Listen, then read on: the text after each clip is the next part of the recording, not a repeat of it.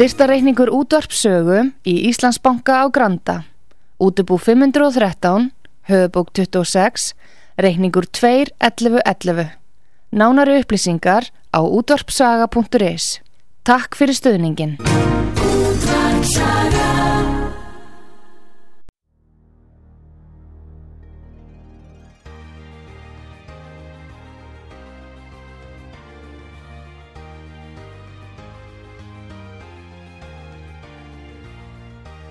Heimsmálinn í umsjón Pétur Gunnlaugssonar. Fréttir og fréttatengt efni af Erlendum Vettvangi.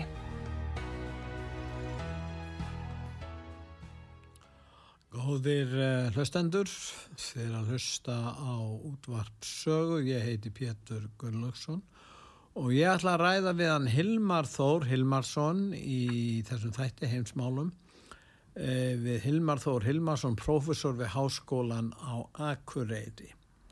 Uh, sæll og blessaður Hilmar. Sæll og stuð, góðan dag. Það heyrist vel í þér. Gott.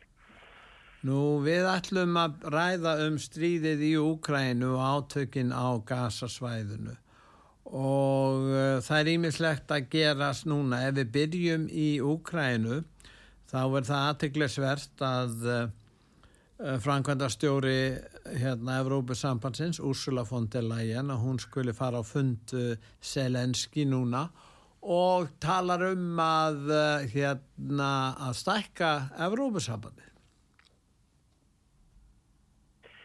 Já, ég sá þarna uh, svona, ég, ég sá þarna hann að flytja ræði í Kiev Já. og uh, sko, nú er Úkræna, hún er flokku sem að kandidati sem er svona umsóknarvíki þannig að þeir eru í ákveðu ferli að, að, að bæta sína stopnarnir og styrkja sér til þess að fara inn í Europasambandið en það er langt ferli og þeir eru ekkert, sko, hún var að tala um aðstof sem að geti, þeir geti fengið til 2027 þannig að sko þeir eru ekkert að fara inn í Europasambandið á næstunni, það er langur vegur. En þeir allavega að hún fór frekar, hún fór svona lofsamlegum orðum um Úkræn og hún hefði náð árangri á vissum amörkuðum sviðum En, en, en það er enda langt í land og, og hérna hún talaði til dæmis um það fyrir verið ára, árangri í, í, í heimskilningi að minka áhrif þessu hvað það er ólíkara í, í Úkrænu og styrkja stopnarnir og gera alls konar hluti sem, a, sem að hún benti á.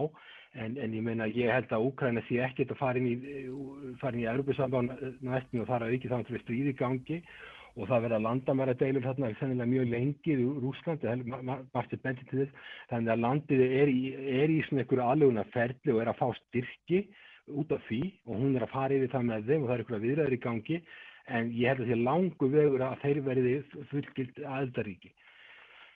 Nú þessi gagsók sem að var búið að rey, rey, ræða mjög, mjög mikið um og hún væri raun og verið forsendan fyrir því að árangri Ukrænumanna, þeir voru sigur gladir eða sigur vissir reyndar og byggust við miklum árangri. Nú liggur það fyrir nokkund veginn þó að upplýsingar síðan náttúrulega ekki nægilega áræðanlegar frá svæðinu en það liggur nokkuð fyrir að það liggur fyrir að gagna árásinn þessi hún hafi ekki tekist, hún hafi raun og verið misefnast miða við þau markmið sem að Ukrænu her og, og ríkistjórn vonaðast eftir. Já, það, það er alveg rétt og hérna þessi, hún var uppilega kalluð, þetta vera einhverju vor uh, gagsókn eða counter-offensive og, og búið að aðfenda Úkrænu mikið af vopnum úr öllum áttum, mm. aðalega frá bandaríkjum, með líka frá ymsum Európa-sambandsríkjum og Breitlandi og svo framvegis. Og þetta var auglýst í öllum fjölumilum heimsins að það væri, að veri vona á þessari gagsókn, sko venjulegur gagsókn þannig að það skilja mest um árangri ef það er komið óvart en það kemur náttúrulega ekki óvart ef það er búið tilkynna þetta með mjög löngum fyrirvara. Svo dreft þetta á langin og, og Úkræna hefur haldið því fram lengi og hún hefur ekki verið að fá öll vopp sem höfðist að fá á réttum tíma með orustu þóttur sem er ekki hægt að aðfenda á þessu ári og svo framvegis. Og auðvitað náttúrulega undirbúa rúsa sig með jarðsprengjubeltum og það sem er kallað dragontís og alls konar skurðum og þeir eru náttúrulega vanir því að undirbúa sig undir slikt, þeir veit alveg hvað þeir eru að gera og þegar gagskurinn hefst á þá verður hún ansið seint. Og svo eru vesturlönd að renna út og það er búið að auðvitað það líka allum helstu fjölmjölum heimsins að renna og vera búinum í sín hefðbundu vopp þannig að þá eru það líka að vandamála meðan að Rúsland er með mesta hefðbundu voppnum sem Sovjetilkin áttu sem vesturlönd beittu sér fyrir að þau fengju. Þannig þetta hefur ekki gengið og svona fyrir fyrir utan það þá eru úkrænumenn miklu færri fámennari heldur en, heldur en rúsa þeir eru, það munar er einna mútið fimm og svo ef þú ert í gagsókn þá, þá er mannfallið þrýra mútið einum óhastett fyrir úkrænu þannig að þetta var alltaf mjög ójafn leikur. Þess að skilum maður ekki alveg hvernig, hvernig ráþurum Vesturlanda eins og til þess okkar auðvitað þetta til hugar að halda því fram að úkrænum minni vinna stríðið við Rúsland og, og við sjáum það núna að sko Selenski náttúrulega verður sem fósiti að tala, reyna að stappa stálun í sína þjóð Já. en við, við sjáum það hins vegar alveg að það er hérna komið, það var eitt hersöðingi sem saði bara hreinlega steilmeit sem þýðir bara að það er, það er pattstaða komin upp og výglegin er ekki að hreyfast og sömum stöðum er jáfnvel rússar að sækja verulega mikið fram þannig að, að þetta virðist alveg hafa runni út í sandin og, og hafa verið órunn hafa hugmyndir og og það er komið mikið træða í og bara tak, mjög takmarkaði möguleikar Vesturlanda til að koma inn með meiri hernara líka því bara vopnin eru búin. Og svo segja bara, segir þessi herfóringi sem að, var vitna þarna í sem er í öllum fjölmjölum heimsins í dag stærstu fjölmjölum að, að, hérna, að það fara að vera mjög erfitt að manna hér Úkrænu, það kemur heldur ekki óvart, við erum búin að tala um þetta út af því sögustanlega í eitt og hálft ár og þetta myndi gerast Já. og við, við erum að horfa á þetta núna að gerast. Það eru ummæli eftir Selenski sem að ættu finnst mér að vekja miklu aðtekli. Fósitt Úkrænu að Selenski segir að bandaríki Norður-Ameríku munir sógast inn í stríðið við Úsland, látið þeir af stuðningi við Úkrænu. Það sem hann er að segja er þetta ef við fáum ekki stöðningin frá Ókrænu þá munum við ekki geta haldið upp í stríðinu gegn rúsum sem við erum að gera í raun og veri fyrir Vesturland þannig ef við það mistekst hjá okkur að fá stöðningin og samdráttur verður þá munu bandaríkja með neyðast og NATO-ríkin að senda héri á móti Rúslandi. Þetta er ekkit annað en dölbúin hótun, ég veit ekki hvernig maður að líta á þetta, hvað finnst ég um þetta? Þessu umæli voru að leggja að koma frá, frá Úkrænu, sko.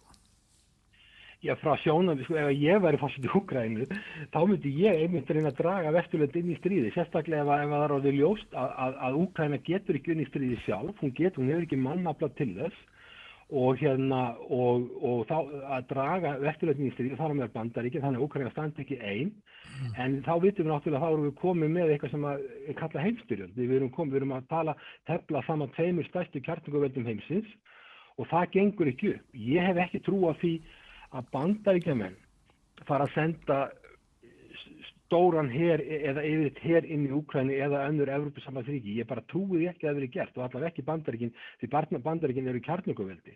Þannig að það hefur verið talað um það. Jáfnveil að fyrir frangottur á NATO og Eistræsaltríkin og Póland sendi herminn inn í Úkrænu. Það talaðum það fyrir nokkru mánuðu síðan sem er alveg stór undarlegt að til frangottur í NATO sem var Dani var að tala um þetta. Já því að við vitum það náttúrulega að, að það er svo kallar artikul 5 garantíð í gangi þannig að árás á eitt ríki er árás á öll ríkin og þá er allt NATO komið í styrjöld. Förulegt að hans geti segja þetta maður skilur ekkert í þessu að, að eitthvað sem hefur verið frangast fyrir NATO þetta til huga láta þetta út úr sér. En, en allavega, allavega ef að við erum að tala um það að að Vesturlund dræðist í stríði og bandar ekki þá er komin heimstilöld ég trúi því ekki að Washington láti þetta til hugar og þeir náttúrulega leiða NATO að fara, fara þá leið hættan núna er að Úkræna muni, ef þetta er svona eins og þessi herfóringi, úkrænski herfóringi verða að lýsa, er að, að, að Rúsland muni taka meira af Úkræna heldur en það teki í dag, taka Odessa og Kharkiv og taka meira austur hlutanum og, og, og svo söður hlutanum að Moldófu, það er það sem maður ímynda sér að það getur gert ef þeir hafa orðið yfirbyrðið, þeir eru um fleiri herrmenn og úkrænumenn segir þetta þau séu að vera búinu með sína herrmenn og, og Vesturland segir þau séu búið með hefðböndi vopn, það er hættan. Ég hef ekki trú á því að að Putin reyna að taka alla Úkræni því það, því að það væri alveg skelvilegt þú myndir þurfa svona 2-3 miljónir herrmanna til að taka alla Úkræni hún er 600.000 tverrkilometrar og á, í þeim hlutum Úkræna sem er meiri hluti Úkrænumanna það er mjög erfitt. Þannig að það ég held að manni gerst það að, teki, að rúsa getur tekið meira á Úkræn eftir þeim í dag. En ég veit ekki alveg hvað Selenski ávið með þessari Eh. hótunum sem þú segir að, að Vesturland drægist inn í þetta. Það er náttúrulega eitthvað sem Vesturland verða að passa sig að, sjálf á En Trump hann gekk Gerði. lengra en Selenski því að nú er það svo að um, það er minni stöðningur í bandaríkjónum innan republikanaflokksins við áframhaldandi stöðning við Úkrænu heldur en innan demokrataflokksins. Þetta er Já. ljóst. Nú spurningin er, nú lýsir hann því yfir, hann vil fá Trump til sín hann Selenski. Hann vil að Trump komi til kænugas og ræði málinn. Þetta kom mér mjög á óvart. Já, ég, ég hef ekki sett þetta með, með, með Trump. Sko, það Trump náttúrulega er í harðri baráttu við... Nei, við sko, hann vildi þetta hann Selenski. Hann vil fá hann ánga. Núna? Já, hann segir senlega staðan orðið, sko það er það sem er að skerast finnst mér núna bara þessa dagana þegar hann er að tala um að bandaríki muni sogast inn í stríði við Rúsland og NATO-ríkin líka og þetta er orðið bara umræðan, hún er svona orðin talsvert öðru vísi og svona, ef ekki að segja bara glannalegri, hún er orðin glannalegri og um, hérna og e, e, það er farið að endurspegla staðan í bandaríkjónum það sem er einmislegt að gerast núna í sambandi við fjárlögin og annað hefur áhrif á það sem að Selenski er í raun og veru að halda fram.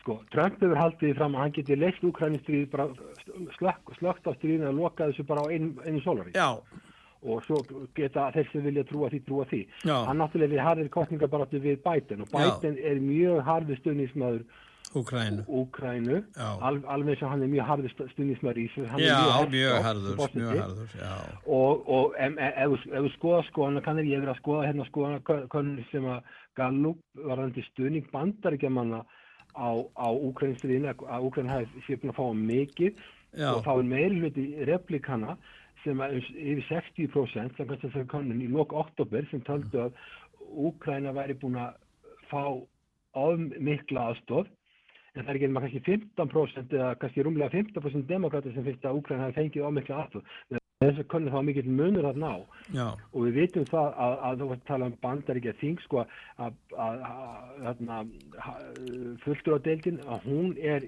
þar eru meiri hluta eru, eru republikanar já og hún nefndi líka bráðbyrjafélagin sem var samfitt í 45 daga að það var tekið út þar. Og þar eru republikanar ferðinni. Og þeir setja sér aftur til Ísrael en sleppa ákvæðinu aftur. Þannig að það er komið ef, ef, ef, ef, ef þú ert þingmaður fyrir replikana og veist að, að meiri hluti replikana er á móti frekar aftur þá fer það að hugsa þau um. Og það er mjög naumur meiri hluti þarna í þinginu. og þannig að sko, ég veit ekki það, það, það, það verður það verður örgulega tregða og, þarna, og fyrrum fósitti öldugóðdeildarinnar McCarthy, já. hann sagði sko, þegar síðast þegar McCarthy, já. þegar, síðast þegar hérna, Selenski kom til bandaríkjana þá var, að- þá var hann ekki búið á að þingið eins og áður Nei. heldur bara hva- talaði um accountability það bara hvert er þessu vopn að fara er, er, og, spurningar um spillingu og svo spurningar um what is victory, plan for victory er, er, þið með eitthvað sigurplan það er sagt bæði það að það eru, það eru vandræðin með peninga í bandaríkjana það er að forgansraða, það Já. að draga úr hallanum það eru, það, það, það eru vandræði þar og svo líka eru, eru, er ekki ljóst hvort að, að, að þessi vops, hvert peningar þeir eru að fara og, og það er komin ákveðin tortrykni og svo eru líkurnar á því að það verði sigur hjá Úkrænum þegar að mannaflinn, þú getur ekki sko, þegar mannaflinn er ekki til staðar þá eru sigur líkurnar þarna mjög lágar og það, þá bara fara, fara þeirra að spyrja sig praktíska spurninga, er þetta hægt? Og ef að stuðningu kjósenda er að fara þá er það enda erfiðara þannig að þetta lítur ekkit vel út þannig séð Það er eitt aðrið líka sem að nú hafa sko samskipti Rússlands og Úkrænu neða segir, segir sko, nú segir ég að fyrir ekki að Rú, Rússlands og hérna og, og Ísraels hafi verið nokkuð góð en nú verðist að vera þannig að Ísrael er að taka málstað Úkrænu frekar þannig að þessi samskipti sem hafi verið sæmilega góð milli Ísraels og, og Rússlands eru ekki að batna, þau eru að vesna. Þannig það er alls konar svona hérna, samskipti á milli þjóða á svæðinu og áhrifavalda sem eru að breytast staðan. Já, það er náttúrulega alveg ljós sko að þeir sem að eh, eru stundum ásakað fyrir að koma þess á stað og styrja Já. Hamas Já. og Hezbollah í Líbanon, það er Íranir. Já, Og Íran, samskipti milli Íran og Rúslands hafa verið mjög góð í Úkrænustriðinu, Úkra, eins og þú veit að Íranir hafa útveða Úkrænumönnum hérna Já. eh, ódýra dróna sem hafa reynst mjög skæðir. Já, þrátt fyrir þessi loftarnakerfi sem Úkræn hefur verið að fá frá bandaríkjunum og víðar og ódýri drónar og, og, og þannig að það er náið samskipti milli Íran og, og Rúslands og svo eru náið samskipti milli Íran og Kína og svo Já. Kína og Rúslands Já. þannig að það er að myndast nákvæðin sko e, samstæða milli þeirra þryggja landa mjög sterk mm. og, og Selenski hann sagði bara að Ísraelsmenn væri svo Úkrænumenn og Palestinmenn væri svo rússar, sagði hann já, og sem er mjög sérkennileg fullurring. Já, Þannig að hann hefur tekið afstöðu með Ísraelsmennum þó Ísraelsmenn séu að mati saminuð þjóðan allavega að fremja þjóðarmorð í Gaza. já, En hérna, já, það er rétt að, að, að þá verður meiri spenna því að ég meina, þú getur ekki bæði verið vinnur Íran og Ísraels og ef að að velja á milli Íran og Ísraels þá velja þær Íran því Íran er að skaffa þeim vopn sem Ísrael gerir ekki. en, en, Ísraelar, já, en, en ef, við- ef við fyrir ekki að förum tilbaka í sambandi við möguleika á friðarsamningi rússa og Úkrænu, myndi ekki rússati bara vera ánæðir með það að halda krímskaganum og fá hann viðkendan og hérna sem var nú uppalega deilan þarna og síðan þessi, þessi, þessi svæði þarna í austur Úkrænu og gegn því að geta hérna fengið þessi viðskipta höft afnuminn og, og tekið upp betri samskipti á austur-Evrópu svæðunni. Ég meina, uh, akkur ættu rússar að sækast eftir meira landsvæði ef þeir næðu þessu fram. Því það skiptir svo miklu máli fyrir rússan að komast inn á oljumarkaðina, gasmarkaðina og, og e- taka upp betri viðs, samskipti við, við eh, viðskiptarsamskipti við Vesturland. Því auðvitað ættu rússatir að vera bara í góðum samskiptum við Vesturland ef eðlert ástand ríkti þarna á svæðinu. já, en hérna sko, sko þeir náttúrulega, já, þeir eru, þeir eru í slæmu samskipti við Vesturlönd en ég held að, að hérna, að það sem rússar leggja á, aðal áherslu að vera að ná svæðum að sem að rússar eru í meiri hluta sem eru mjög mikið að sem kalla ethnic Russian Já, og þá er Odessa og Kharkiv líka inn í þeirri mynd, þessi stórborgum, það er mjög mikið af rússum. Já, og þeir geti séð sér hag í því, auðvitað veit maður ekki hvað, hvað Putin að þeir eru að hugsa, það er alveg klart að þeir myndi ekki vilja sleppa, sleppa klímskanum og taka áhættu að hann er í NATO flotastöð, þeir myndi ekki vilja það. og nei þeir myndi ekki vilja gera það, við vitum það. þessum- Þeir já, myndi halda ekki- í krimskagan og, og, og hérna, fljótastöðina þannig, já. og þeir myndi, þeir myndi ekki sleppa þessum hérum sem þeir hafa náð en mér finnst trúlegt að þeir vilji taka meira en þeir myndi aldrei reyna að taka allt þeir myndi ekki reyna að taka 40% ókræðinu en ekki alla ókræðinu, mínum dómi Mm, en auðvitað veit ég ekki hvað þeir eru tilbúin að sætta sig við og varandi viðskipta þinganir já, þá eru þeir já, þeir eru í viðskiptabunni kakast vesturlöndum, en þeir eru bara að, að, að þeir eru að leggja gasleislu og oljuleislu inn í Kína, inn í Asíu og, og, og brekka, vika sig út.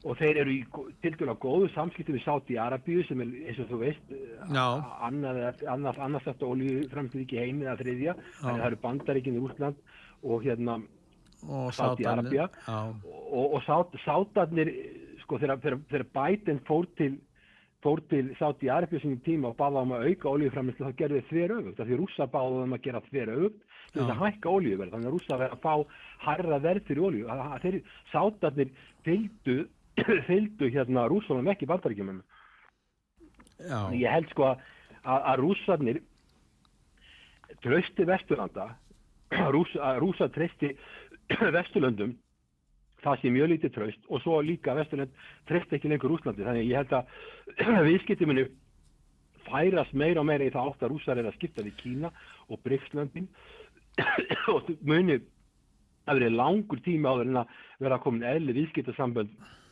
og viðskiptasamskipti við vesturlönd. En nýrði ekki stefna Vesturlanda í utaríkismálu fyrir miklu nekki ef það fer á leið, þá leið að eins og margt bjabbel bendi til núna að Úkræna er komin í veikari stöðu.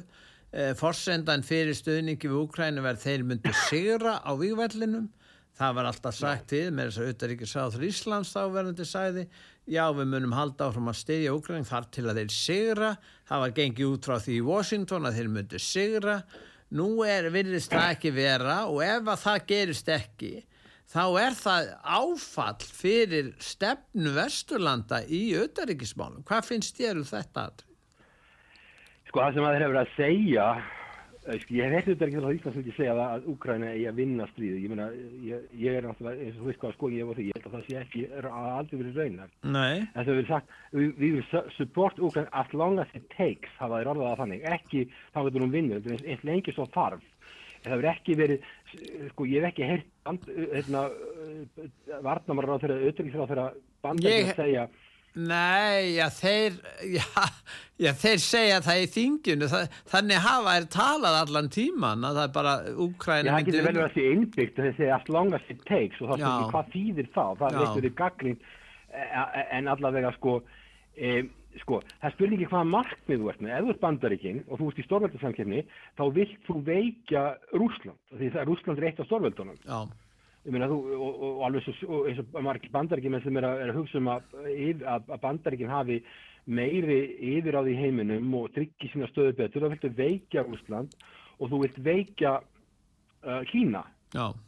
en en, en, en, en hvort en þó að Úkræni tapir stríðinu þá myndi það ekkert gera út af bandaríkinu bandaríkinn væri Nei, en þa það er þið bara áfall fyrir, sko það er þið minna trössum en bæri til auðaríkistefnu Vesturlanda ég menna sjáðu hvað þjóðverðir eru búin að forna miklu í þessum átökum í Úkrænu frakkatir reynda líka og, og fleiri ríki ítalatnir og og Evrópa stendur mjög illa í raun og verið eftir þetta eftir að þessar leiðslu voru sprengtar upp í eistra saltinu hver sem stóð nú á bakvið það og, og það er þetta eh, vegna þess að, að yðnar eh, vélinn maskinan í Þískalendi hún þarf auðvitað orka að halda.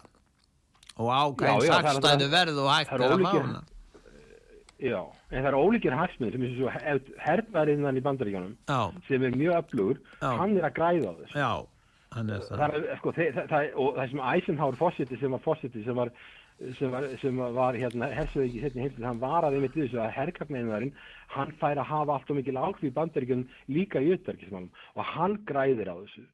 Bandaríkin það, hvort að Úkræna vinnur að tapar það skiptir einhverjum sköpum auðvitað áfall fyrir NATO og, og það er, og það er svona fyrir credibility bandaríkjana og trúarðuleika þá, þá er það rétt, það, það er áfall fyrir Evrópu er þetta efnahallett áfall og, og mjög slæmt. Ég meina Þískaland sem er stærsta við Evrópu er í mjög slæm ástandi. Já.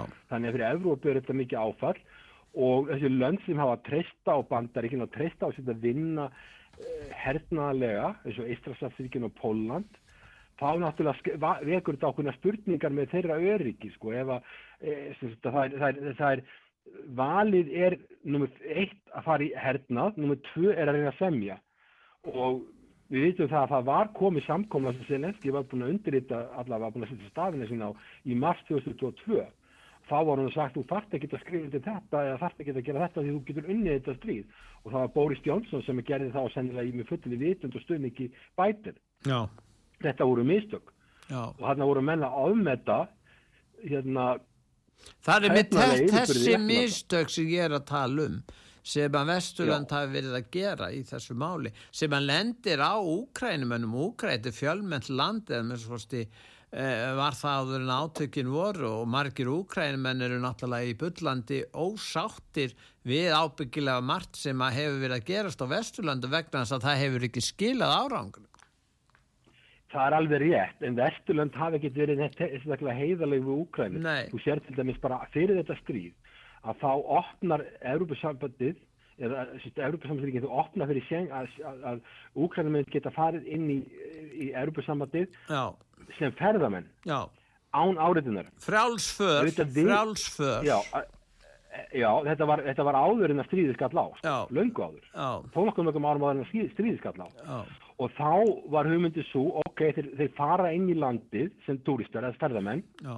Og það, það er að við vita mál að, að margir þessu úkrænumenn að vegna spillingar í landinu og það búið engi í 30 ár, mjög takkmarkaðir möguleikar, að þeir vilja ílengjast innan Európa-sambandsríkja. Þá fara það að vinna ólöglega, þeir fá ekki, þeir fá bara viðöfisarðin sem túrist, eða þeir fá, þeir fá fara að fara sem túristar án áriðtunar inn á senginsvæði. Þeir fara að vinna ólöglega á lágum launum, þeir fá ekki eftirlaun, þeir fá ekki aðganga helbriðskerfi eða þýrallegu kerfi eins og, eins og aðrir sem eru löglega inn á svæðinu.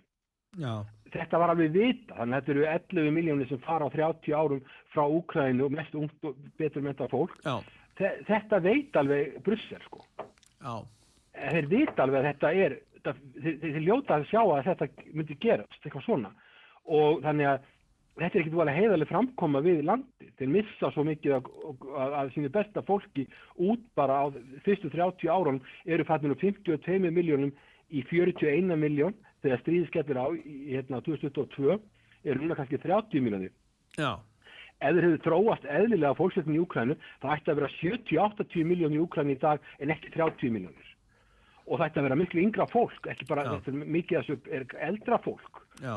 Og þú getur ímyndað hvernig heldur að verða að reka ríkisjóði í þessu landi að stíkið í loknu þú ert með fólk sem þarf félagslega aðstöð. Þú veist alveg, þegar fólk eldist, það þarf meiri heilbríðisjónustu, það þarf að komast á eftirlun, það þarf meiri þjónustu frá ríkinu. Já. Og, og, og, og það borgar, og það fyrir að vinnumarkaði frá eftirlun, borgar ekki skatta. Skattgrundunin í þessu landi í framtíðinni er, er, er ónýtur. Það, það er mjög erfitt að, að reka ríkisjóð. Núna er þetta rekið með peningum frá Vesturlöndu, frá Örbjörnsamandinu og Bandaríkjum, en það verður ekkit endalist. Þannig að sko, að, og líka þetta að segja Ókræna fara að vinna stríð og berja eftir síðasta manns, það er ágættist dýll fyrir þann sem þarf ekki að fara á vývöldin sjálfur sko. En, en fyrir, fyrir þá er þetta bara alveg algjör skelving, ég menn þetta land og svo halda menn bara að þetta verið svo Þískaland þetta er setni heimstjórnöldina eða Japan, þetta verður bara rísa og vaða upp Já. og eitthvað hagvexti. Ég held að það sé algjör vittleysa. Það, það, það er enga forsendur fyrir því ókræna.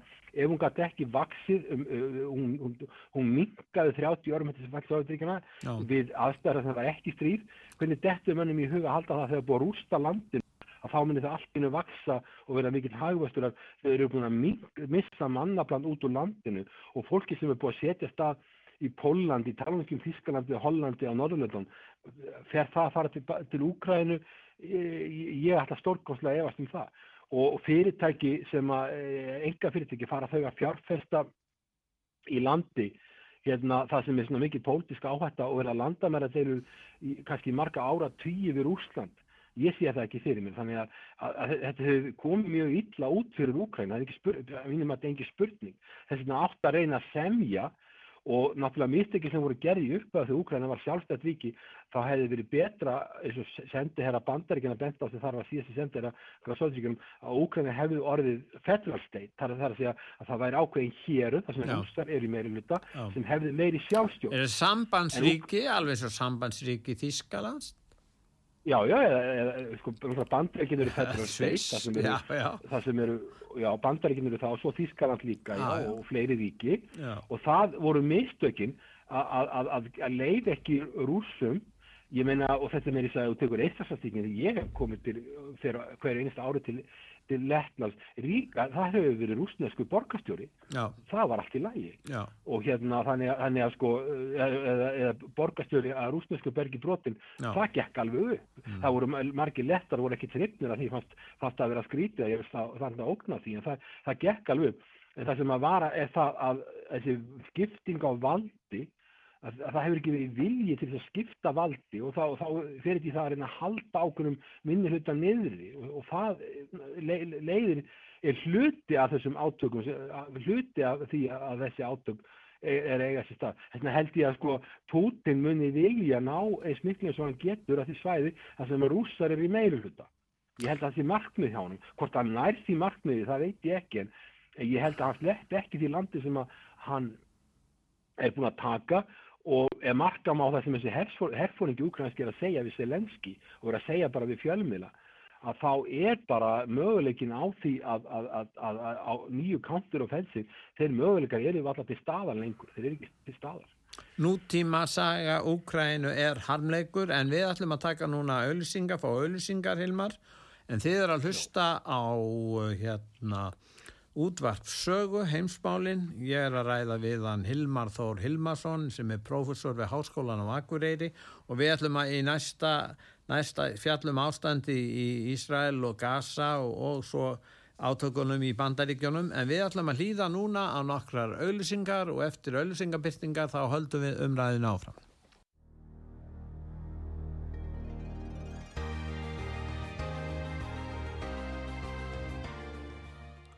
Góðir eh, hlustendur, þið er að hlusta á útvart sögu, þáttun heimsmálinn og ég er að ræða við hann Hilmar Þór Hilmarsson sem er profesor við Háskólan á Akureyri.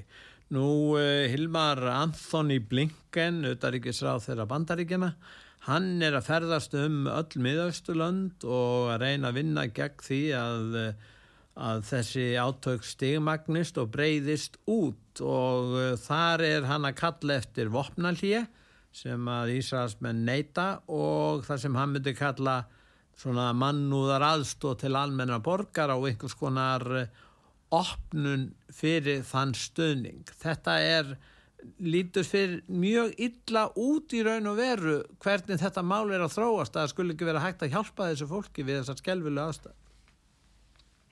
Já, hann, hann er að tala um það sem að kalla humanitarian pause, eitthvað svona aðstóð, Rétt. en það sem að vekur aðtækli með bandaríkin og stjórn Bætins, náttúrulega, eh, sko, allir byngan er að vinna fyrir Bætin er það að, að Bætin hefur talað um að, að hann styðji tveggjaríkja laust, en hann hefur náttúrulega ekkert gert í því að koma því til leiðan. Nei. Og, og, og, og áður en þetta gerðist því að klukkan í þessu vandamáli byrjaði ekki til 7. oktober 2023 þetta er áratöga vandamála því að Jimmy Carter var fósiti og að það hefur ekki verið fundininn lausna að vera með þessi tveggjaríkja laust og það sem bandaríkjum voru að gera að þau voru að semja við, að, að, að koma eðlilegu samskiptum á við Sáti Arabíu og Ísrael áður en að hérna var búið að gera nokkuð í málefnum palestinumanna varandi Gaza og Sylvesterbakkan og stopna, hérna sjálfstættir ríki sem búið að vera að tala um í árat, áratöðu saman. En þessi vannrækslas, uppsafnaða vannræksla yfir márga áratögi er eitthvað sem að þarna síður upp úr. Það afsakar ekki hérna, árás hérna, Hamas á saklist fólki í Ísrael Ja, Hamas eru villimenni, það er allir sem viðkynna þetta eru barbarar sem haga sér svona. Já, þeir, þeir, þeir, þeir hérna, sko reyndar er það umdelt því að, til dæmis eins og Ergotan, þarna, fórseti Tyrklas, hann segir að þetta séu fre, frelsisbaráttu saman. Já, já, já. En, en, en, en, en ég meina, sko, það er að... Já, eins og þeir höguðu sér núna, eins og þetta var, eða hvernig þetta var.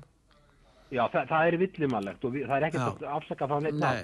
en það má heldur ekki gleyma því að þetta vandamál er búið að krauma undir í mjög langan tíma á þess að lausna við komið Mm. og ég held að þegar að, þegar að palestinumenn sjá það að fá að fara að semja við Ísraeli, Sáti Arabi ætlar að fara að semja við Ísraeli og fyrir Sáti Arabi er, er, er það alveg eðlilegt þeir kalla með þess að Indian, Middle East, Europe Corridor í gegnum Ísraeli, gegnum Sáti Arabi Já. og það fyrir Sáti Arabi verður þetta dill vegna þess að þeir þurfa að breyta sínu landi úr, úr oljuríki í því svona eitthvað hátækni ríki sem getur haldið áframstur að þeir hægt að geta selt olju þannig að samstarf í Ísrael er alveg vitið fyrir þá. En þá ættu bara að gleyma, eða, gleyma palestínu vandamálun og það er ákveðin, ákveðin vandi sem að, sem að svo síður upp úr og, og þessi afleðingar verða skelvilegar afleðingar og hérna og alþjóðarsamfélagi stendur bara gagvart þessu hjálparvana og bandaríkinn geta óskup lítið gert sko. bandaríkinn ha hafa segjum, sko, blinken þau út til, til um, Ísraels og, og hann byður eftir spæt Netanyahu að, að, að, að draga sér til hlés og hafa humanitarian eða hafa eitthvað svona mannúal hlés E, og, og, og ef að, að Netanyahu segir nei við Blinken, hvað getur hann þá gert? Hann getur umverulega ekkert gert. Auðvitað getur hann eitthvað að beita hörku sem hann, sem, ég, sem hann gerir ekki. Ef hann myndir beita hörku, þá er Ísraeli lobby í bandaríkjunum eða þrýsti ópar frá geðinga og Ísraeli í bandaríkjunum svo sterkir Já. að þeir myndir beita sig á þinginu Já. og Biden er að fara í kostninga næsta haust Já. þannig að bandaríkin það er, alveg, það er mjög lítið sem bandaríkin, bandaríkin geta raunverulega gert í þessu máli En þá erum við í raun og verið að segja að ríki eins og Ísrael hefur áhrif á stjórnmál í stórveldi eins og bandaríkjum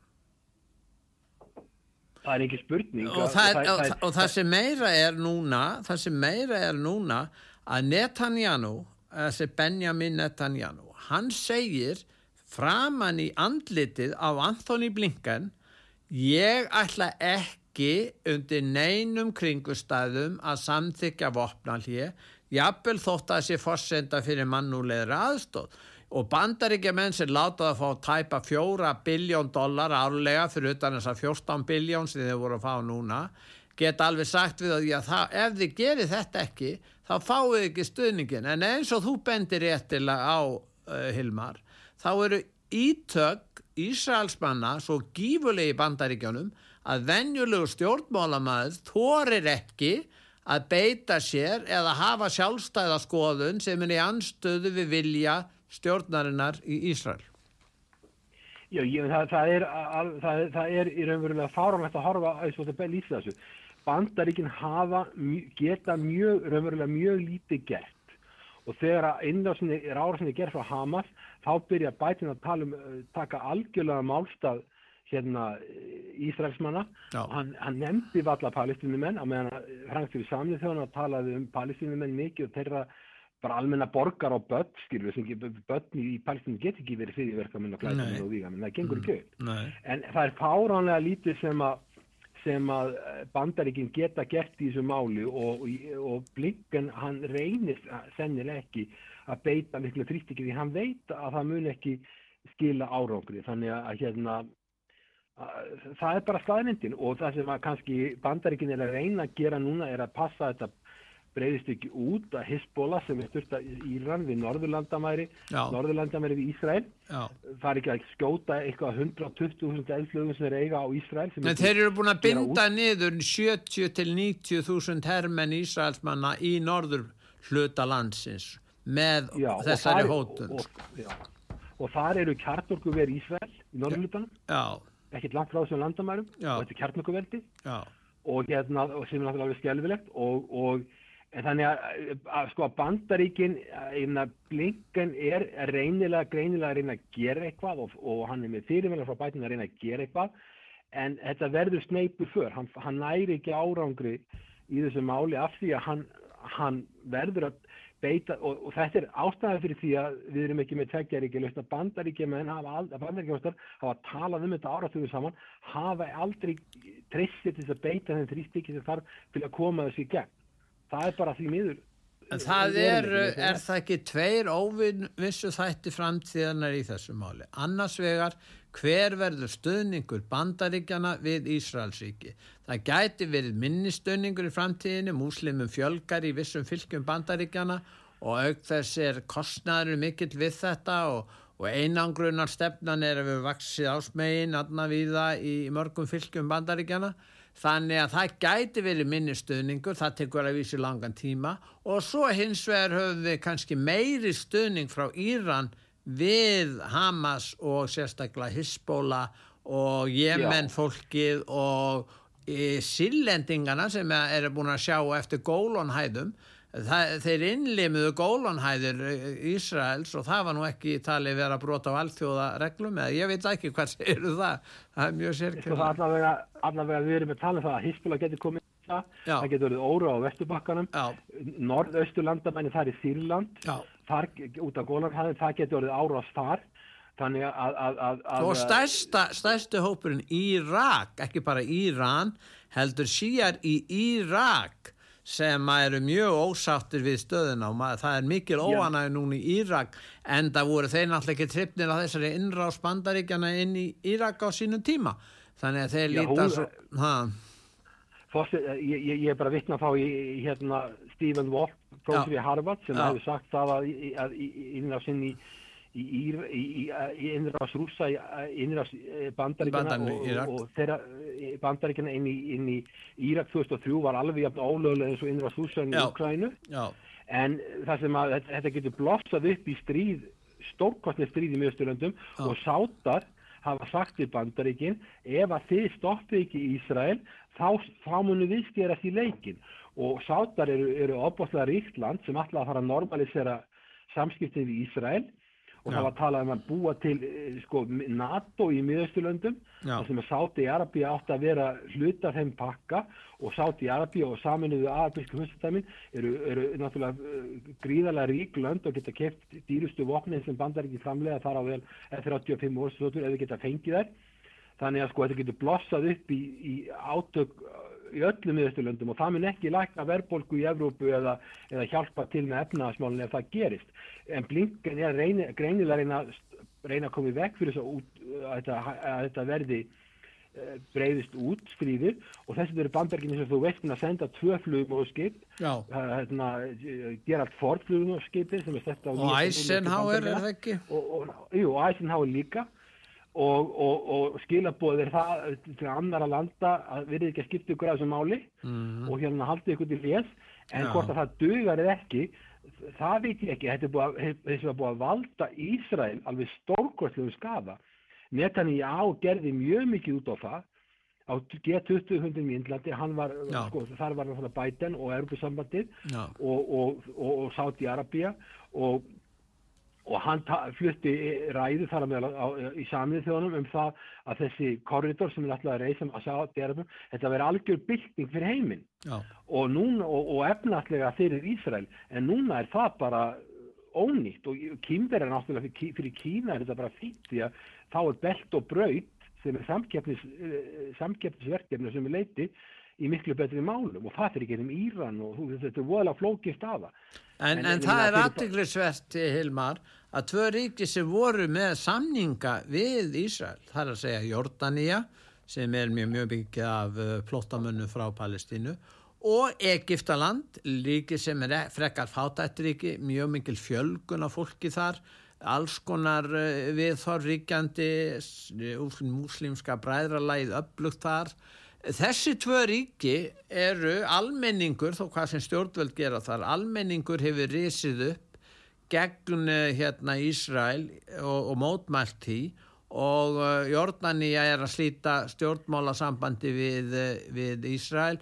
Jordani drottning sem eh, fordæmir morð á almennum borgurum og sakar fjölmiðla um hræsni og þannig að í þessu, þessu ríki, þessu sambandi, þessa litla eða tiltöla fátæka ríkis Jórdaníu en sem hefur notið talsverða virðingar sem verið að vera svona íhalsamt konúrsríki á þessu svæði að samskipti við, við Ísrael eru að vesna verulega, er það ekki? Það er svolítið sláandi. Jú, þetta, þetta stór skadar Ísrael og var staðan ekki góð fyrir og svo veikir þetta bandaríkin því að lönd muni fylgja sér meira á bak Kína og Rúsland til BRICS bandaríkin missa trúverðuleika og það þess að þú veist að fór fram atkvæðagrætt í alveg ekki samlið þjóðana Já, já, um, um, um, um, um, um hvort það ætti að vera vopna hlið ekki. Já, og þá voru af 179 löndum voru bara 14 lönd sem greittu atkvæði með tillögu, tillögunni sem bandaríkin og Ísrael stuttu sem var það að það er ekki vopna hlið 120 voru, voru, voru vildu, vildu vopna hlið og því miður var Ísland í hópi 45 sem að voru En, voru en þessi hlutlausa. 14 ríki voru nú ekki, þetta voru ríki eins og Fiji og Guatemala og Marshalleyjar og, og, Mik- og hérna Papua, Nýjagina, Paraguay, Tonga.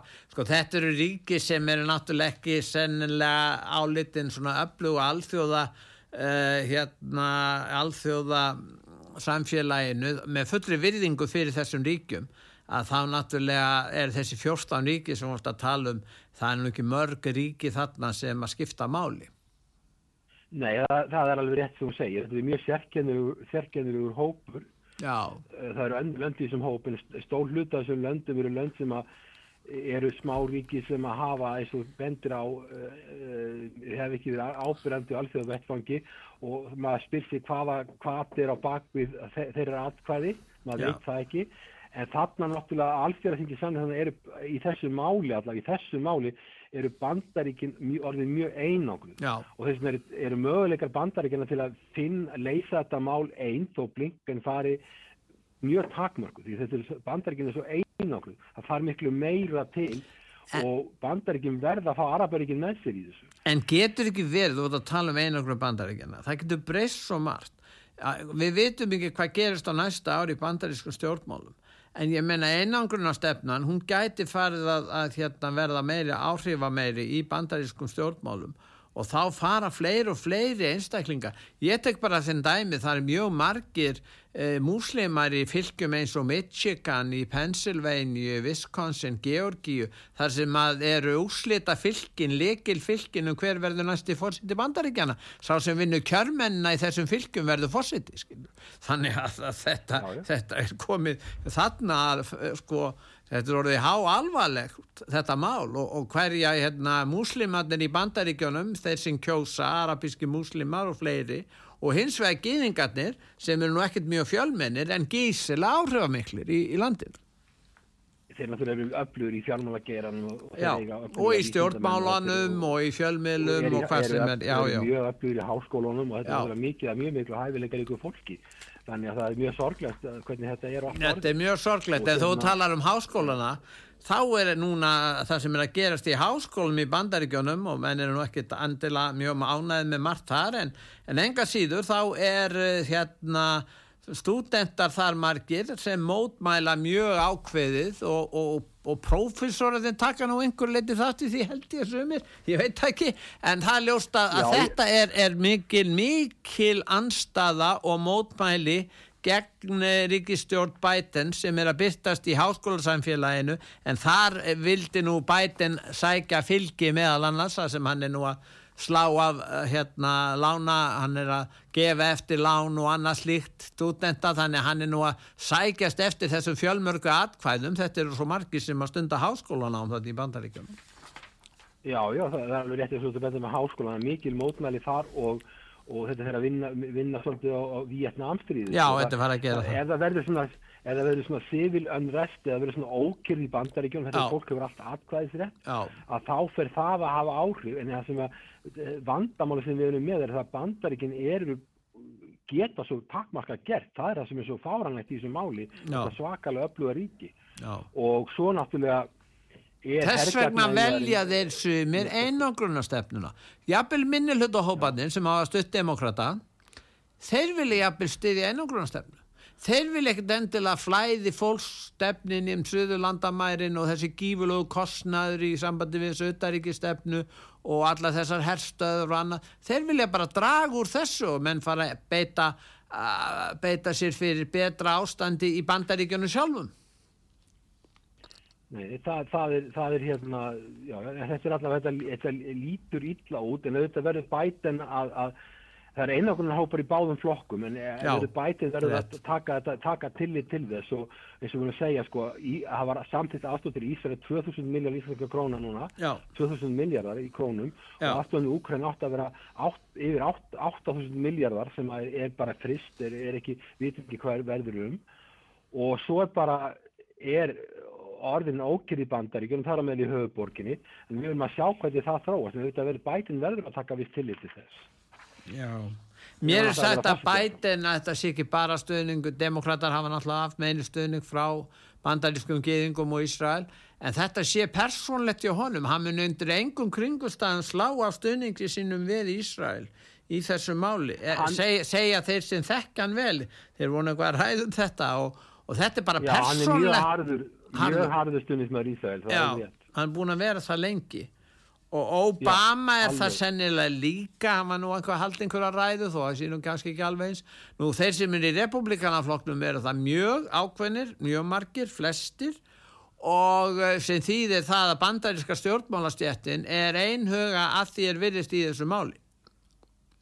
Já og Biden sko það er að vera í Ísrael þá eru möguleikan að vera með, vera með tveggja ríkja laust Já. eða vera með, vera með eitt Ísraels ríki, allríki eh, sko Biden talar um tveggja ríkja löstin, hann hefur eiginlega gert minnst allra fósetta í bandaríkunum held ég, eh, síðan Jimmy Carter. Sem byrjaði með þetta að koma því til leiðar. Netanyahu, hann vil vera með, vera, vera með hérna, eitt stort Ísrael Já. en vandamáli þar er það Ísraels, Ísraelar, Ísraelski geðingar í, í Ísrael er svona 7,3 miljónir og palestinumenn á Vesturbakkanum og Gaza og svo búa Ísraeli sjálfu eru álíka fjöldi 7,3 miljónir og það er yngra fólk Já. og þannig að, að ef að það væri eitt ríkir sem Netanyahu vil þá væri við að tala um sá stöðu því að, að, því að þá hætti Ísrael að vera Ísrael þá er það bara Ísrael-Palestína Já, það, og þá eru þau geðingar, ísraelski geðingar í vinniluta hópur. Í, framtíðin eru þeir það, já.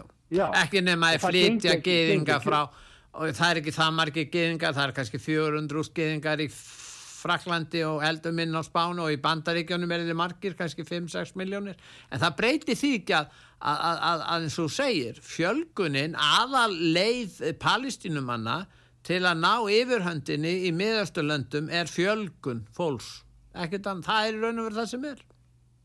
Já, sumir vilja ganga svo látt að halda því fram að það sé verið að hrekja fólk frá Gaza. 2,3 miljónir til Evróp og, og, og pressa á, á að Egiptaland opni, opni þarna Suðurlandamæli. Sem mun aldrei gera þeir mun aldrei gera það. Já, þeir hafi ekki þeir hafi ekki efna á því. Sko, þeir, þeir ég þrjá... held að sko Petur varandi, var varandi í þetta mál þá held ég að verða að vera stjórnarskipti í Ísrael. Já. og Netanyahu getur ekki leist þetta, hann er með einhverja öfgaflokka með sér, Sionist Party og, og Jewish Power uh, Party, þetta eru öfgaflokkar og það þurfa að fara á stjórnarskipti til að setja að leysa þetta mál. Þetta verður ekki leist með því að berjast fyrir stór Ísrael á svæðunni, ég held að það sé nokkuð það verður ekki en, en, en sko Abbas sem er á Vesturbakkanum hans stuði tveggjaríkja laust og það gerir bæten og Já. það gera flest uh, í orði kveðnu en hafa ekkert gert í, í málinu. Þeir hafa ekki gert nægilega mikið til að koma því í gegn. Nei. Þannig að við erum með held ég í, í, í hérna erum að tala um Ísrael þá erum við með þá stöðu að, að það þurfa að vera hughalsbyggingi í Ísrael og það verður að opna leið fyrir tveggjaríkja laust varandi útræði þá, þá, þá er líka mjög erfið staða. Við vitum að staða landsins, hérna, það er búið að missa landin sem við vorum að tala um. Það verður erfitt að ná því tilbaka, það er deilur út af því, það er deilur út af stöðu landsins, það er Európa saman og NATO og svo er deilur um skada. Verður ekki Selenski að sækjast eftir endurkjöri? Hvernig er það? Hann var góðsinn 2019. Mér skilst að það eigi ekki að kjósa í landinu meðan það er styrjað þar á samt. Nei, það er nefnilega það það er nefnilega það og ef að að bandaríkinn fara að minga sem stuðning eitthvað verulega mikið við í, við Úkvænu mm. að þá verður erfitt fyrir hann að hann verður óvist því þá er ekki hægt að reka heilbríðskerði í landinu það er ekki að reka eh, skólan í landinu Nei. og þetta verður algjört neyðar ástand Já. því að Úkræna lifir núna miklu leiti eins og, eins og kannski við, við erum að búa Já. á aðstóð ellendis frá. Já.